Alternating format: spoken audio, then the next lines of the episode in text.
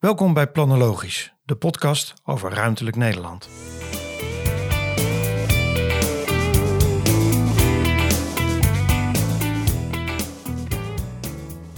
Wat je eigenlijk steeds meer ziet, en ik ben een warm voorstander van, dat de woningen die we bouwen, dat we die zo uh, algemeen mogelijk maken. Uh, ik, uh, ik, zei al, ik loop wat langer mee in de coöperatiesector, dus ik heb ook nog meegemaakt dat er specifieke woningen met zorg gemaakt werden. Met aparte gemeenschapsruimtes, et cetera. En dan ik zeg wel eens tegen de mensen in de zorg, jullie veranderen wat sneller van paradigma dan wij dat doen. Dus bij ons moet een woning ongeveer een kleine eeuw mee. En wij kunnen het niet hebben dat je na 20 jaar weer een ander idee hebt over hoe de zorgverlening moet worden. En dat, dat het vastgoed integraal tegen de vlakte moet. Dat kan simpelweg niet.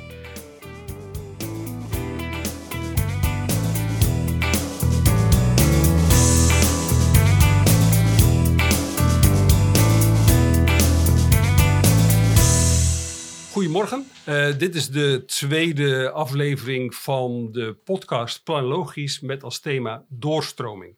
Vandaag is de gast uh, Henke Peter Kip, bestuurder van de grote Utrechtse en Nieuwegeinse corporatie Mitros. Uh, daarnaast natuurlijk weer Gertjan Hagen, directeur van Sprinko. Um, misschien, Henk Peter, wil jij je kort even voorstellen voor de luisteraars? Zeker. Uh, Henk Peter Kip, uh, jurist en econoom van opleiding. En sinds tien jaar uh, bestuurder van Mitros. En al twintig jaar werkzaam in de coöperatiesector. Mooi.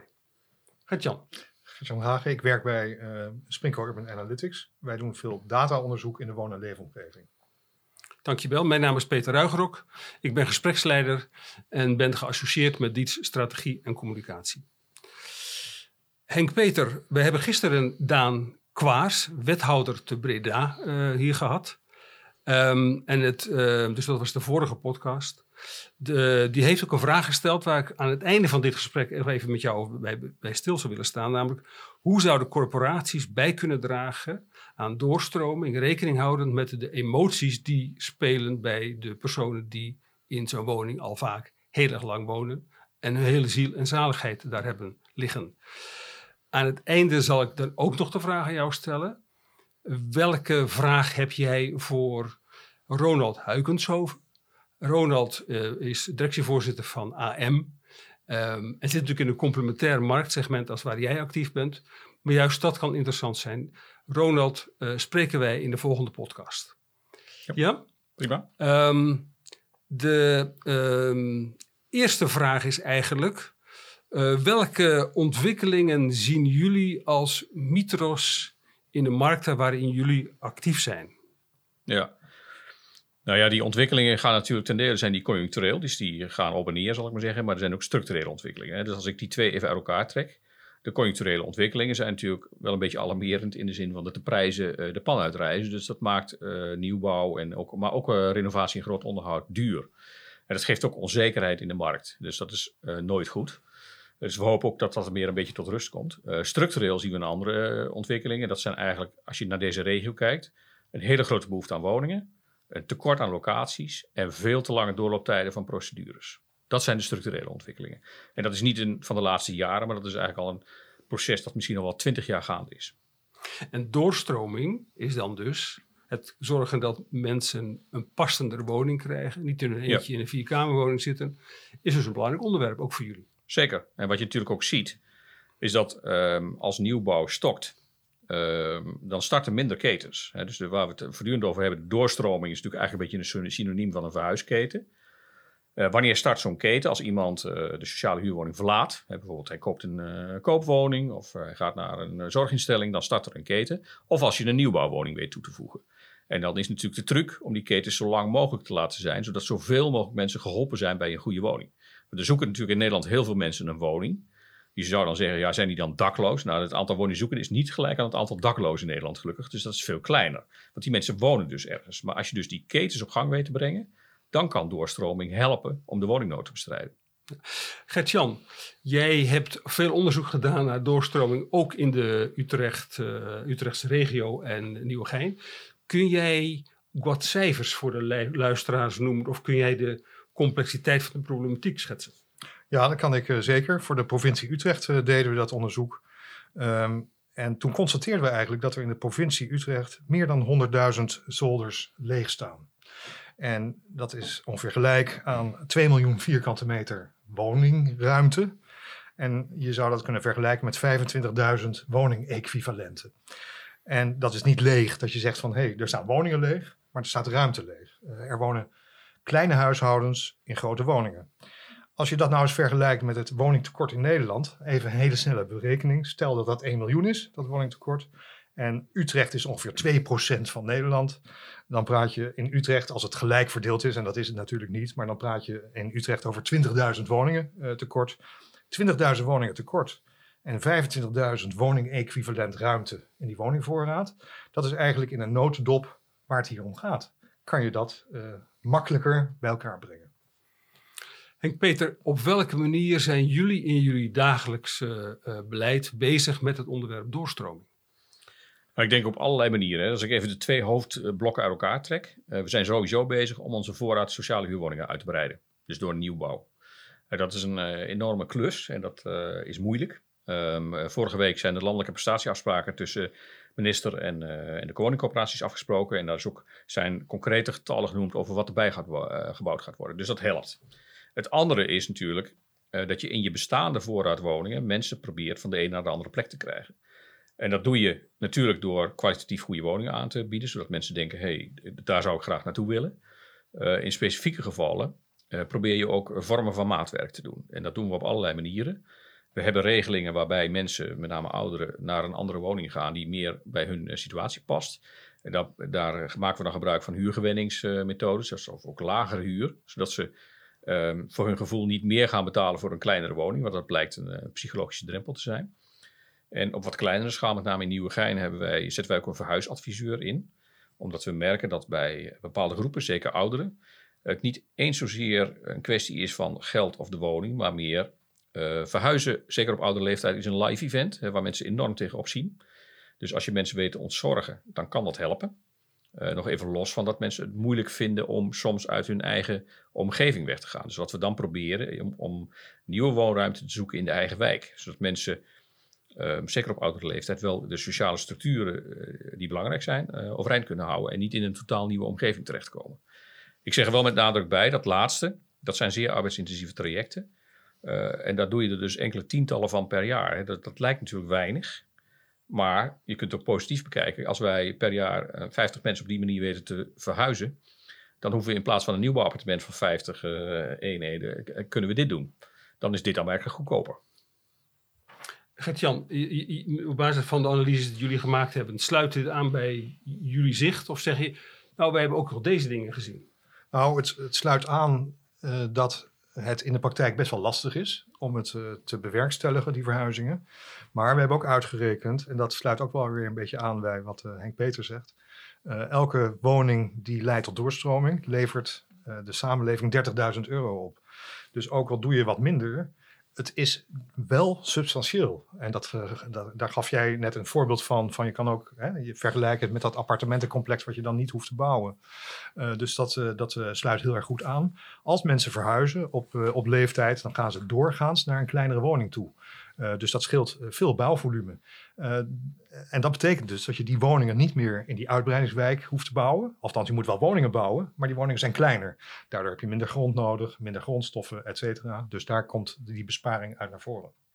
Henk Peter, als jullie woningen toevoegen, um, en je geeft zelf al aan, uh, die keten is belangrijk. Um, hebben jullie dan ook een programma van eisen wat specifiek ook voor de ouderen is ontwikkeld?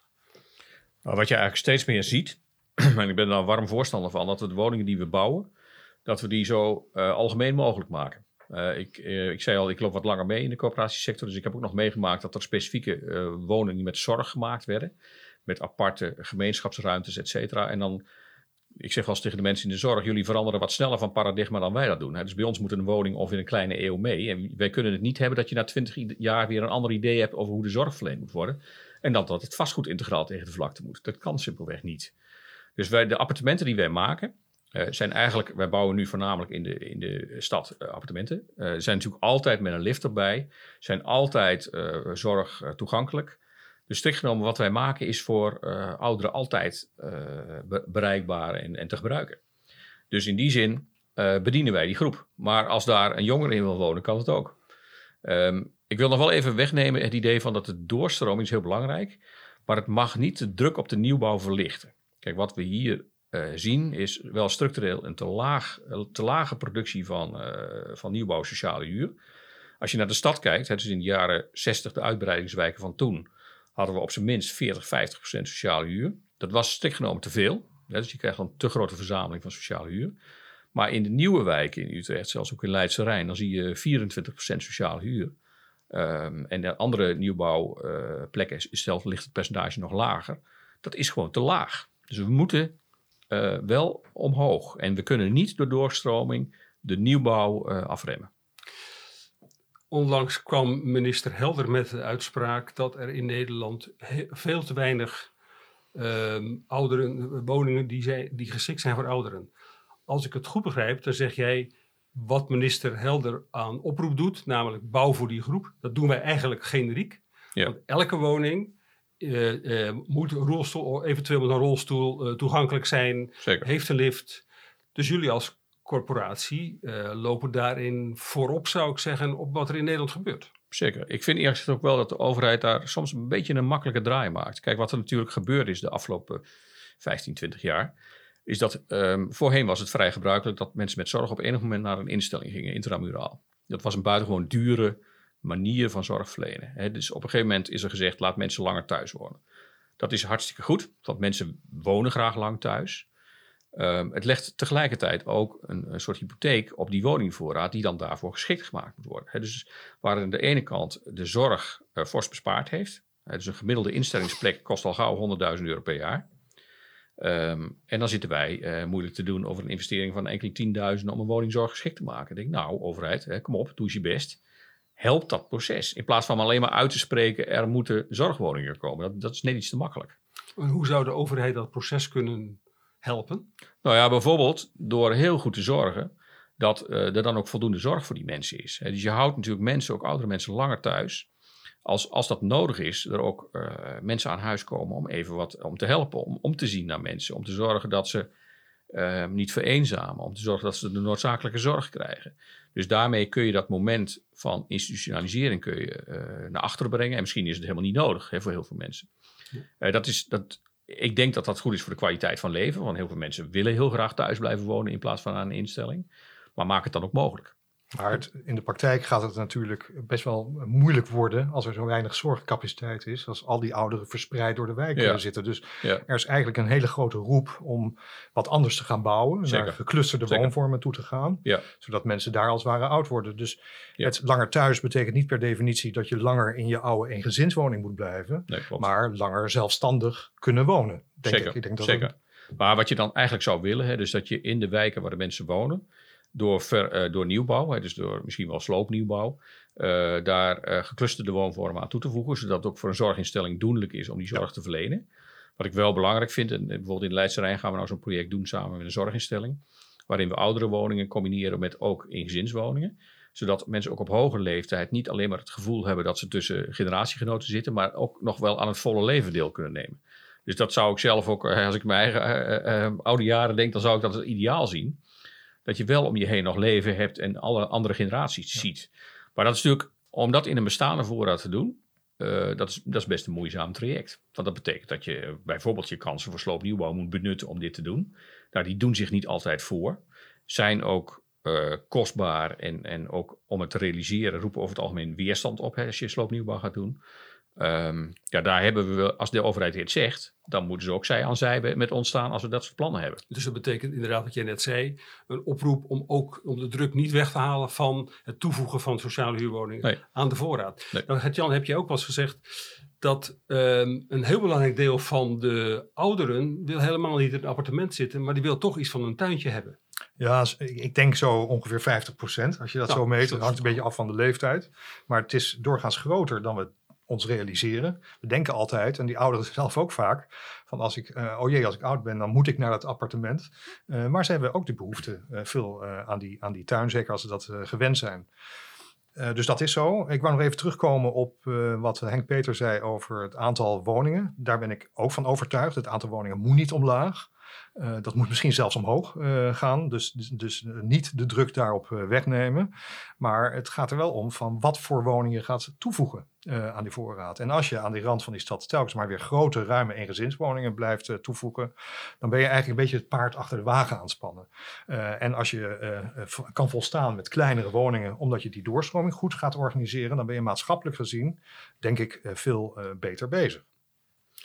Nou, ik, ik geloof dat je en-en moet doen. Hè? Dus even het verhaal van de eengezinswoning en het tuintje. Dat is landelijk gezien klopt dat.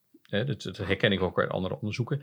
In een stedelijke omgeving is dat natuurlijk wel anders. Ja, dat, dat en zeker als sociale verhuurder. Ik zie ons niet meer eengezinswoningen met een tuintje in de stad Utrecht bouwen. Ja, misschien aan de periferie. Hè, daar, daar, is het nog financieel rendabel. Um, maar eerlijk gezegd, binnenstedelijke ja. locaties moet je de lucht in, anders is het onbetaalbaar. Um, ik ben het niet helemaal mee eens dat we die woningen nooit zouden moeten maken. Want wat je natuurlijk ook wel ziet, is gezinnen met lage inkomens. Dat is weliswaar maar een vrij klein deel van onze klandizie. Dus ik, ik schat in, uh, gezinnen is überhaupt nog maar 20% van de sociale huur. Hè. Dus uh, ja, daar hoeven we niet heel veel voor te bouwen. Maar om het helemaal niet te doen, dat is het andere uiterste. Uh, ja, bouw gemengd. En want dan krijg je ook vitale wijken. Want het is ook niet de bedoeling dat je wijken hebt waar de gemiddelde leeftijd de 70 overschrijdt. Dus dan wordt het in plaats van dat je vroeger naar een instelling gaat, ga je dan naar een complete wijk die eruit ziet als een, als een bejaardenhoor. Dat, dat, dat, wil je ook niet. Dus die menging uh, lijkt mij van levensbelang voor de kwaliteit en de, en de vitaliteit van, uh, van die complexen. Ja. Menging, dat betekent ook dat daar dan koopwoningen bijvoorbeeld bij passen of middeldure huur. Ja. Want eigenlijk ja. heb ik de vraag, daar, de vraag daarachter is, maak jij afspraken met uh, ontwikkelaars en met institutionele beleggers over die doorstroming. In, in Utrecht is er een, sta, een stadsakkoord ja. waar, middel, waar institutionele beleggers aan meedoen. Ik weet nog niet precies hoe succesvol dat is, maar misschien kun je er even stilstaan. Maar het kan natuurlijk heel goed zijn dat je zegt van, joh, wij hebben hier uh, sociale huurwoningen. We weten dat daar toch een redelijk percentage uh, mensen in wonen die eigenlijk een te hoog inkomen hebben voor. Ja. Kun je niet vanuit de verlokkingsstrategie iets gaan doen? Hoe, hoe, ja. hoe, hoe, zitten jullie daarin?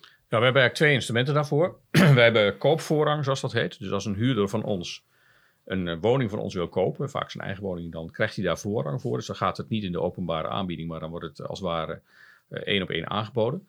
En we hebben ook een soort uh, voorrangsregeling voor als in sommige complexen, waar je dan vanuit de sociale huur naar de middenhuur gaat. Dus dat mensen op die manier een stap in hun carrière maken. Dus dat is interessant. Maar daar zit wel een hele praktische beperking bij. Kijk, de, um, de ontwikkelmogelijkheden in Utrecht zijn zo beperkt dat de commerciële huren uh, uh, ja, toch wel behoorlijk aan de maat zijn, zal ik maar zeggen. Dus het komt regelmatig voor dat iemand die bij ons huurt voor zeg maar 750 euro, de, de top van de sociale huur, als je diezelfde woning op de markt huurt, dan moet hij 1400 euro betalen. Dus waarom zou iemand die stap maken? Zelfs als je wat meer inkomen krijgt. Je bent gekke Henkie. Dus um, je blijft lekker zitten. Dus ja, dat is toch de marktwerking die dan um, ja, zijn werk doet. Uh, we hebben wel begrepen, hè, de minister gaat nu uh, ook dat middenhuursegment wordt gereguleerd. Althans een deel daarvan. Dus dan krijg je huren tot zo'n 1000 of, of 1200 euro. Daar in die range wordt nu gedacht. Um, ja, dat helpt natuurlijk een beetje die doorstroming. Anderzijds denk ik wel dat het aantal woningen dat in dat segment aangeboden gaat worden, gaat dalen. Nou, stik genomen, je bent natuurlijk gewoon het rendement van de beleggers aan het uh, verlagen. Ja, die maken toch zakelijke afwegingen en niet alleen maar sociale, wat wij doen. Ehm, dus, dus ik denk dat het aanbod daarin gaat dalen. Want jullie kunnen ehm, inmiddels ook weer middeldure huur betalen, ja. realiseren. Ehm, we gaan nu ook stemmen op om, het, om de markttoets, die nu eventjes on staat ja. voor twee jaar, dat die helemaal af te schaffen. Is dat voor jullie een reden om ook in dat segment te gaan investeren? En juist ja, zeker. ook vanuit die doorstroming? Ja, zeker. Ik denk wel dat we dat gaan doen, maar wel met mate. Kijk, we hebben ooit, uh, wat er natuurlijk gebeurd is, dat, dat zie je in de hele woningmarkt, er zijn overal schotten geplaatst. Dus ook corporaties hebben hun, hun uh, sociale deel en hun wat meer marktgeoriënteerd deel moeten scheiden. En voor de kenners onder ons in DAAP en niet DAAP. Nou, ik hoef jullie niet uit te leggen dat overal waar je schotten aanbrengt, dat het ingewikkeld wordt. Dat, dat, dat, is noodloos complicerend. Dus ik heb nog een soort stille hoop als deze podcast er aan bij kan dragen dat dat onderscheid verdwijnt, dan uh, ben ik een gelukkig man. Want dat geeft enorme complicaties. Dus we hebben op enig moment hebben we die scheiding aan moeten brengen. Uh, en dan mochten we niet te veel in, de, in het niet-DAAP, dus in het commerciële deel doen. En dat beperkt ons ook in de, in de investeringsmogelijkheden die we daar hebben. En daar moeten we bijvoorbeeld ook tegen commerciële tarieven uh, gaan lenen. Dus dat is ja, dat klinkt makkelijker dan het is. Dus wij willen best wel daar wat in doen. Zeker in die onderkant van de middeldure huur, hè, tot 850 en misschien zo af en toe tot 1000. Maar daarboven zie je geen functie voor ons. Nee, maar als je het over doorstroming hebt en je hebt Ja. iemand met een hoger inkomen die dan misschien ook wel boven die 750, Ja. 760 euro komt, ja, kan het wel aantrekkelijk worden om, om dan die- wel die stap te gaan zetten. Zeker. Ja, zeker. Ja. Maar wat we dan in feite wel gaan doen natuurlijk, dat moeten we ons realiseren, dat je de wat hogere inkomens in feite indirect ook een soort subsidie geeft. En dat is natuurlijk ehm, ja, het gevolg van dat Ja. doen. Maar het helpt zeker bij de woningmarkt, zou het helpen. Ja, het gaat, het gaat per slotverrekening om, om doorstroming. Zeker. Ehm die heb je ook eens gezegd, eh, hoe meer regels, des te minder doorstroming. Ja. Ehm, jullie maken met de gemeente Utrecht altijd prestatieafspraken. Daar horen Ja. ook de, de toewijzingsregels toe. Ja. Nu las ik onlangs dat in Eemvallei een, een belangrijke hobbel weggenomen wordt om eh, een woning te nemen. Namelijk eh, op het moment dat je een woning accepteert, onder normale omstandigheden verlies je dan eigenlijk je rechten. Ja. Maar in Eemvallei introduceren ze dat je nog 75% van je punten, je, Ja. je wachtpunten mag, eh, mag Ja. behouden als je daar Ja. na een jaar nog, nog bij woont. Of Zeker. nog, nog in, in die woning zit. Zeker. Worden dat soort dingen, ook dat soort mogelijkheden ook onderzocht voor het Utrechtse? Ja, ehm, ik heb de huisvestingsverordening die is zo ingewikkeld voor, heb ik niet helemaal in mijn hoofd. Maar wij hebben ook iets wat daarop lijkt. Kijk, in zijn algemeenheid is het natuurlijk zo. Eh, wij, zien, we zagen op een gegeven moment de tendens dat de meest populaire woningen, dus waarvan je zou zeggen, daar willen mensen, mensen het liefst in wonen, dat die ook het vaakst geweigerd worden. Dan zou je zeggen, hoe kan het nou? Maar dat heeft ermee te maken met juist met, met dit punt. Hè. Dus op het moment dat je een woning accepteert, dan ben je dus die meetijd kwijt. En dan begin je dus, in het klassieke geval begin je weer bij nul. Nou, dus bedenk je wel twee keer voordat je accepteert. Dus dan wil je eigenlijk alleen nog maar de hoofdprijs hebben. En anders accepteer je niet. Dus dat zijn natuurlijk allemaal eh, ja, maatregelen die op zich goed bedoeld zijn. Maar die wel leiden tot een heel bureaucratisch en stroperig systeem. Wat allemaal niet meehelpt aan de, aan de doorstroming. Waardoor woningen langer leeg staan en je misschien wel suboptimaal moet toewijzen.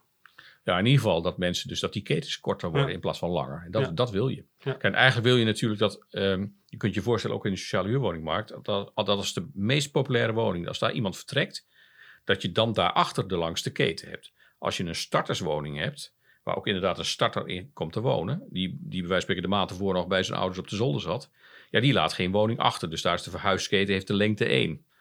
Nou, dus, dus juist die populaire woningen, die wil je dat die een beetje eh, doorstromen. Ja.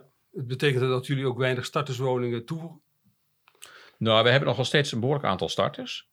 Eh, en we hebben ook heel veel eh, starterswoningen. Dus waar je ook echt zegt van, ja, dat, dat is geschikt om als je bij wijze van spreken, ehm, je, je komt eh, bij pa en ma vandaan of je komt uit je studentenkamer, dan, dan is dat eh, een mooie woning om mee te beginnen. Eh, en op enig moment gaan mensen dan daar ook weer naar iets anders. Ja, ja, dus je hebt eigenlijk een hele grote voorraad starters. Zeker. En, en dan hoef je weinig meer toe te voegen. Dus je kunt Nee. investeren. Je, Nee, dus mijn idee zou ook zijn, voeg geen starterswoningen toe, maar voeg juist woningen voor ouderen toe en, goede woningen waar mensen graag willen wonen. Ehm, want dan, dan, dan komt de zaak op gang. Kijk, een goede woning kan natuurlijk ook zijn ehm, een helemaal niet zo grote woning, een appartement van 45 vierkante meter op een hele mooie stedelijke locaties. Ja. Die zijn buitengewoon gewild. Hè. Dus als ik Ja. zie, eh, onlangs hebben we iets opgeleverd, dan, dan komen er gewoon per woning 100 reacties binnen. Ehm, dus we, we kunnen zo'n complex als het ware 100 keer naast elkaar zetten, dan hebben we hem nog verhuurd. Ehm, dus, en dat zijn helemaal niet zulke grote appartementen, maar wel op een hoogstedelijke locatie. Ja, ja. Ik kom nog even terug op het punt van de, de koopwoningenmarkt. Eh, je zegt, ja, wij, wij verkopen, soms, soms geven mensen de gelegenheid om hun eigen woning te kopen. Eh, maar maak je bijvoorbeeld ook afspraken met, ehm, nou, de- we hebben, de volgende keer hebben we Ronald Huikershoven eh, Ja. eh, hier aan tafel, met een partij als AM, om te zeggen, als jullie daar nou die koopwoningen maken in die prijsklasse, willen jullie dan eh, eh, zoveel weken of maand of twee maanden ehm, voorrang geven aan mensen die uit een sociale huurwoning komen? Nee, die maken we niet. En eerlijk gezegd denk ik dat op dit moment onder de huidige marktomstandigheden dat ook redelijk kansloos is. Het, het, het gros van onze huurders eh, ja, zit op inkomens van eh, gezinsinkomens, heb ik het dan over, van 35.000 of lager. Ja. Eh, nou, dat, op de huidige koopwoningmarkt is daar niet heel veel voor te, te- voor te vinden en zeker niet in de nieuwbouw. Dus daar, daar vindt eigenlijk nauwelijks meer uitwisseling plaats. Ehm, kijk, iets anders is, dat wij graag met eh, marktpartijen eh, bepaalde plekken invullen, zodat er een mooi evenwichtig programma komt. Hè? Dus waar eh, sociale huur, middenhuur en koop door elkaar en met elkaar woont. Ehm, Zeker in, in wijken waar die sociale huurpercentage erg hoog is. Hè. We noemen Overvecht. Dus daar verkopen we een locatie aan een marktpartij die daar middenhuur maakt. dus dat is anders dan wat er nu is. En in ruil daarvoor krijgen wij op een stedelijke locatie een plek terug waar wij dan sociale huur maken. Dus dat is een hele mooie, weliswaar ingewikkelde deal.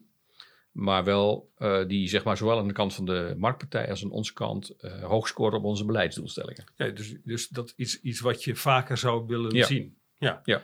Um, en wat, wat zouden, we, zouden, zouden we met elkaar in Nederland, of in, laat ik het maar even tot Utrecht beperken, welke oproep zou daarbij passen?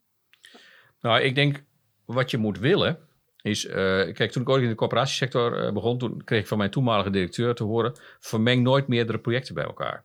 Ja, dat heeft me twintig jaar gekost om daar overheen te komen. Maar dat heb ik hier dus wel gedaan. Drie projecten aan elkaar geknoopt. En met gemeente en marktpartij en coöperatie gekeken van... We hebben nu drie projecten die ieder voor zich niet rond zouden komen. Maar als we ze nou eens op één hoopje gooien... en dan eens kijken of we daar uitkomen. En dan moet iedereen een veer laten. Dus wij hebben ook nog een extra duit in het zakje gedaan. De marktpartij heeft een lager rendement geaccepteerd. De gemeente heeft geaccepteerd dat er geen meerwaardeafdracht plaatsvond. En zo heb je drie projecten vlot getrokken die de stad echt uh, beter maken. Uh, en dat type denken, uh, ja, dat zouden we moeten willen, naar mijn idee. Ja. En herhalen. Ja. En daarbij wel accepteren dat iedere combinatie weer nieuw is. En dus behoorlijk arbeidsintensief om dat van de grond te krijgen. Nee, maar dan, krijgen jullie ook op, op, plekken waar je nu geen kans zou hebben, ja. krijg je sociale huurwoningen. Uh, en uh, in een segment die je ook heel graag wil hebben. Want Zeker. daar zit ook die keten waarschijnlijk Zeker. achter. Zeker. Ja. Ja. Ja. Gert-Jan, als je dit verhaal hoort, uh, heb jij een, een, wijze raad aan Henk Peter? Nou, raad uh, uh, weet ik niet. Die, die, zal ik denk ik ook wel hebben. Maar ik heb vooral een vraag, ja? als, ik, als, als dat mag. Zeker. aan Henk Peter, want die overziet die volkshuisvesting vrij goed vanuit het perspectief van de corporaties. ik begon met mijn verhaal over die data en eigenlijk ook mijn verbazing van hoe kan het nou, dat grote woningtekort. En tegelijkertijd een soort onderbenutting van het gebruik van die woningvoorraad. Ja. Toen heb je aangegeven, Mitros werkt daaraan uh, op verschillende manieren. We bouwen al levensloopbestendig, et cetera, et cetera. Mijn vraag is eigenlijk, kan Mitros meer doen dan nu gedaan wordt aan die doorstroming? Want mijn verbazing blijft nog steeds een klein beetje in stand. Mm-hmm.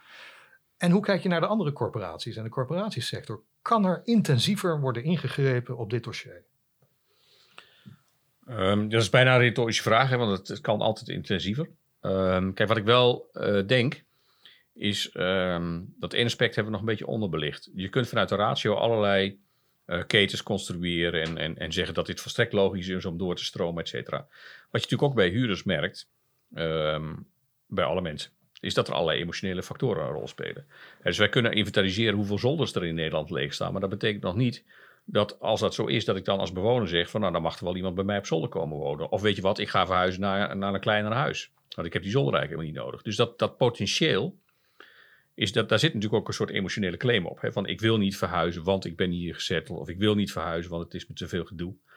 Dus in die zin is het wel een weerbarstig onderwerp. En begrijp ik ook wel een beetje dat het, dat mechaniek is van laten we dan maar bijbouwen. Ja, want als je bijbouwt, de, de bewoner daarvan, die is er nog niet. Dus er zit geen emotionele betrokkenheid op. Dus dat vanuit de techniek uh, is dat een voor de hand liggende stap. Dus wat je hier ziet is dat die doorstroming, zoals jullie dat benaderen, heel erg uh, maatwerk is. Dat je eigenlijk voortdurend heel nauwkeurig moet kijken, wat is er aan de hand? Hoe kan ik mensen verleiden om, om door te stromen? Dat, dat lijkt me heel arbeidsintensief en daarmee gewoon moeilijk. Ja, dat, dat wil niet zeggen dat je het niet moet doen. Maar het is wel verdraaid lastig. Nou ja, goed. Wij hebben al in eerder onderzoek ook aangegeven dat als je zicht hebt op die verhuisketens, het eigenlijk ook makkelijker wordt om daarop te gaan programmeren. Ja. Van de ene woning realiseren heeft een ander effect dan de Ja. andere woning. Ja. Uh, dat, dat blijkt. En het is even de vraag of dat voldoende wordt meegewogen. Ja, Uh, het is mijn indruk dat dat beter zou kunnen. Uh. Maar je, ja, je kan altijd, natuurlijk altijd zeggen van je hebt theorie en je hebt praktijk. Ik heb er ook begrip voor, of, voor die praktijk. Maar ik hoop, ik hoop in ieder geval van harte, misschien mag ik dat uitspreken, dat we in staat zijn met elkaar om die doorstroming eigenlijk meer gewicht te geven in de, beleids, uh, het beleid wat zeker, we zeker. doen. Wat je natuurlijk wel ziet, en dat, dat, dat is een extra complicerende factor, is dat zeg maar van een constatering naar een oplevering, er zit in Nederland eh, een kleine tien jaar tussen. Hè? Dus eh, zeven jaar duurt het gemiddeld in Nederland om een woning te realiseren. Dus Ja. ja, dat is een enorm traag proces. Ja. Dus om dat op de rails te krijgen en dan vervolgens ook daadwerkelijk tot productie te maken, eh, dat kost tijd. Kijk, wat ik tegelijkertijd wel vaststel, is als ik zie wat wij nu opleveren aan appartementen in, eh, op dit moment, dat heeft natuurlijk eigenlijk een ongekend hoge kwaliteit. Als je ziet hoe, hoe die mensen, daar, eh, onze huurders daar kunnen wonen en op plekken in de stad. En ook inderdaad eh, drempeloos en eh, er kan zorg verleend worden. Het, het aantallen zijn alleen te laag. Maar de Ja. kwaliteit is, is ontegenzeggelijk hoog. Dus dat is wel iets wat we moeten koesteren. Tegelijkertijd moeten we wel ehm, ja, het tempo omhoog te doen. En als ik dan nog even teruggrijp op dat voorbeeld wat ik net gaf van die drie projecten. Wat daar natuurlijk gebeurde, is dat op een gegeven moment drie bestuurders eh, tegen elkaar zeiden: Dit gaan we doen. Eh, dus dit is ingewikkeld. Hè? In, ook in onze eigen organisaties moeten we wat hordes nemen. Maar wij geloven hierin en dit gaan we doen. Dus daar, ook als het zo'n onderwerp als doorstroming, eh, daar heb je wel ehm, ja, bestuurders nodig die zich daaraan committeren. En Ja. ook ja, niet, niet te bang zijn voor de eerste tegenwind. Is het onderwerp doorstroming eh, in het bestuur van Edes, waarin jij zit, ook wel eens een onderwerp waarover gesproken wordt? Ja, ik moet zeggen, ik denk wel dat het kan toenemen. Wat je natuurlijk in het huidige politieke klimaat en eh, alle verhalen over de woningnood, daar zie je natuurlijk dat behoorlijk eh, de nadruk ligt op simpelweg woningen bouwen. Eh, ook in de vorige week afgesloten prestatieafspraken gaat het heel erg over toevoegen.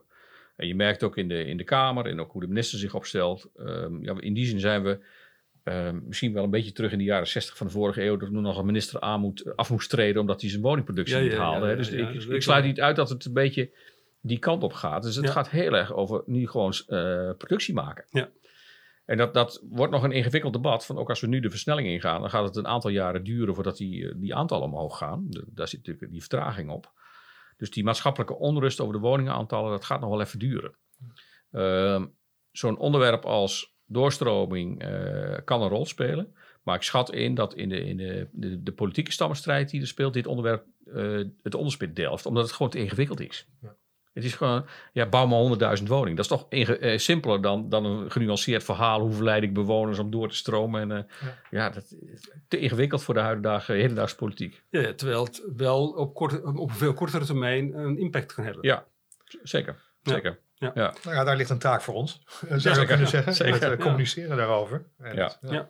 Misschien moeten we de minister eh, deze podcast, of hem op deze podcast Ja. eh, attenderen en zeggen: Zeker. Goh, we willen graag erover met u in gesprek. Ja, ja. Dat is, eh, helemaal niet op weg. Zeker. Ik kijk even naar de tijd, want we zijn alweer enige tijd bezig. Ik kom graag even terug op het gesprek wat we in de vorige podcast hadden met wethouder Daan Kwaars van Breda.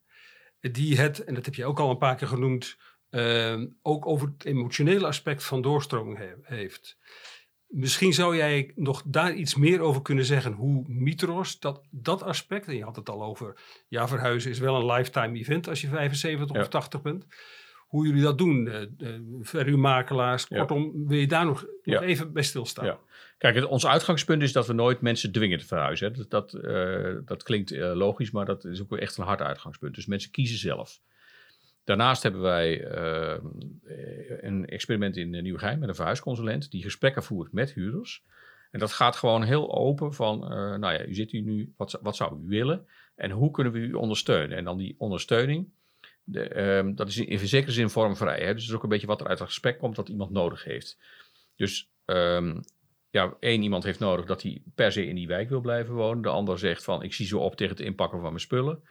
Eh, weer de ander zegt van, ja, maar kan ik dan wel mijn zorgverlener behouden? Of, er zijn natuurlijk tal van dingen die spelen. En daar probeer je dan eh, rekening mee te houden. Eh, ook soms met het financiële. Hè? Dus je kunt ook zeggen van, ik ga naar een nieuwe woning. Ehm, maar we hanteren daar niet de huurprijs die we bij anderen zouden vragen. Ehm, dus dan laten we mensen ook een zachte financiële landing maken. Dus al die instrumenten worden ingezet. Dat is heel arbeidsintensief om dat te doen. Maar dat leidt dus tot een aantal tientallen verhuizingen per jaar. Ehm, en daar zijn we eigenlijk best tevreden mee.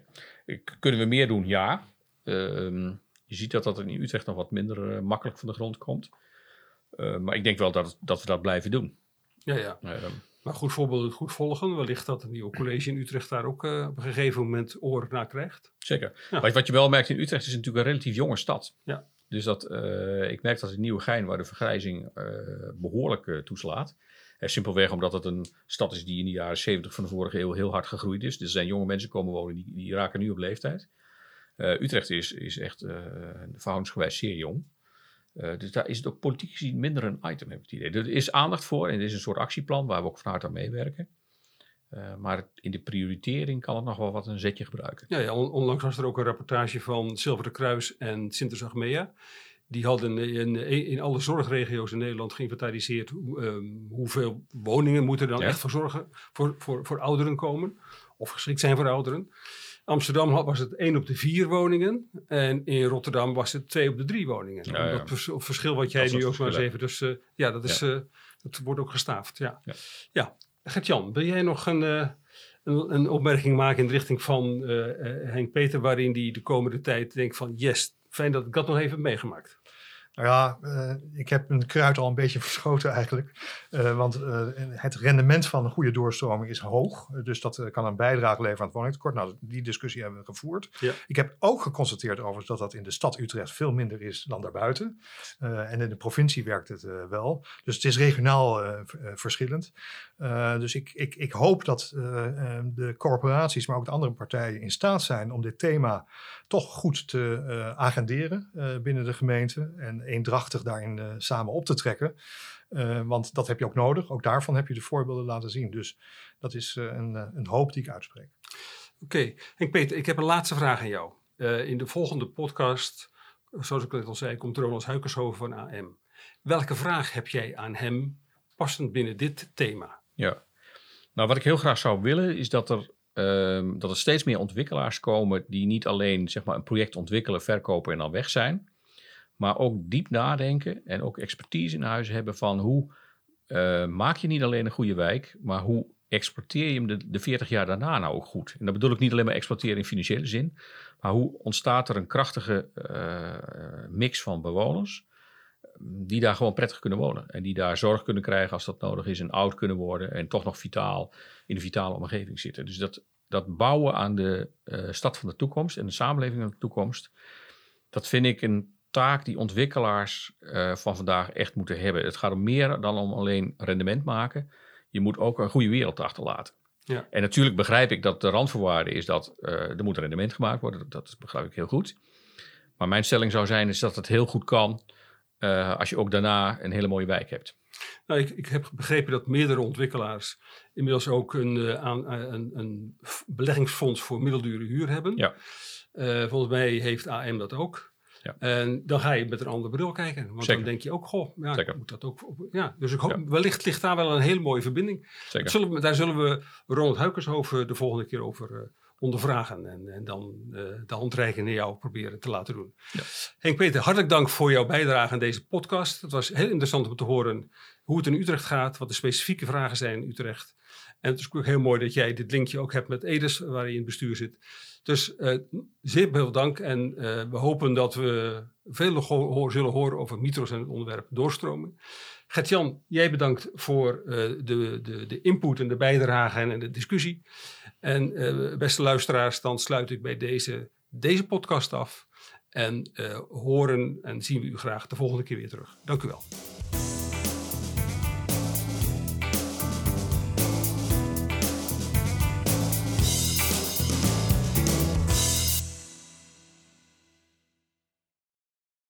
Dankjewel voor het luisteren naar Planologisch, de podcast over ruimtelijk Nederland. Vond je dit een leuke podcast? Dan zouden wij het enorm waarderen als je een positieve recensie achterlaat. Planologisch wordt ontwikkeld door Diets Strategie en Communicatie uit Utrecht. Wil je meer weten over dit onderwerp of over ons? Ga dan naar diets.nl of vind ons op social media onder Diets.